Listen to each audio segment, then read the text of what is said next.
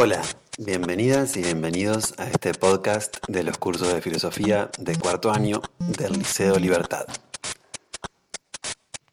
Primero que nada, quería preguntarles si conocen la música de fondo.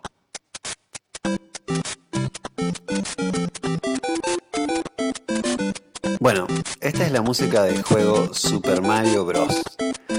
Un videojuego que se lanzó un año antes de que yo naciera. Así que si tienen curiosidad pueden investigar y saber hace cuánto fue eso. Se preguntarán por qué les hablo de esto. Bueno, la razón es que en la última clase con cuarto 4, un estudiante cuyo nombre no me acuerdo, pero con quien estoy muy agradecido, hizo unos comentarios muy interesantes sobre filosofía de los videojuegos al final de la clase y me sorprendió recomendándome que jugara al Super Mario Bros.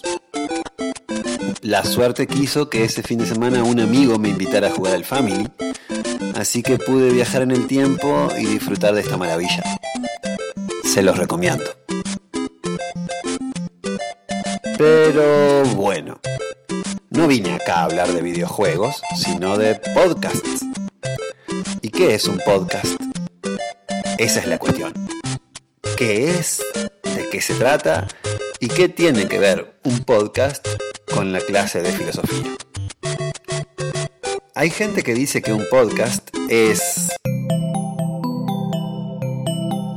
Radio del futuro. Pero en realidad el podcast ya está acá.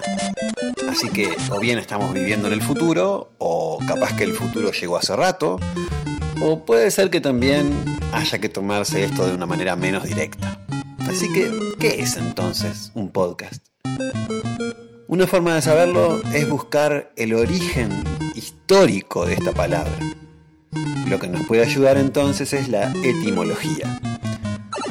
Como todas las palabras se inventaron en algún momento, la etimología nos ayuda a rastrear las huellas de su significado. Eso no quiere decir que nos dé la verdad última sobre las cosas, pero nos ayuda a comprender. Entonces, ¿cuál es la etimología de podcast? Bueno, podcast viene de dos palabras. Una es iPod y otra es broadcasting. Como ustedes sabrán, un iPod es un reproductor de audio digital de la marca Apple. Mientras que el broadcasting es la difusión de contenidos desde un emisor central a una audiencia amplia y dispersa. Puede ser por cualquier medio electromagnético, como por ejemplo la radio o la televisión. Entonces, si buscamos en el origen de la palabra, hay algo que nos habla. iPod y broadcast. ¿Qué será entonces un podcast? Vamos con una definición de diccionario.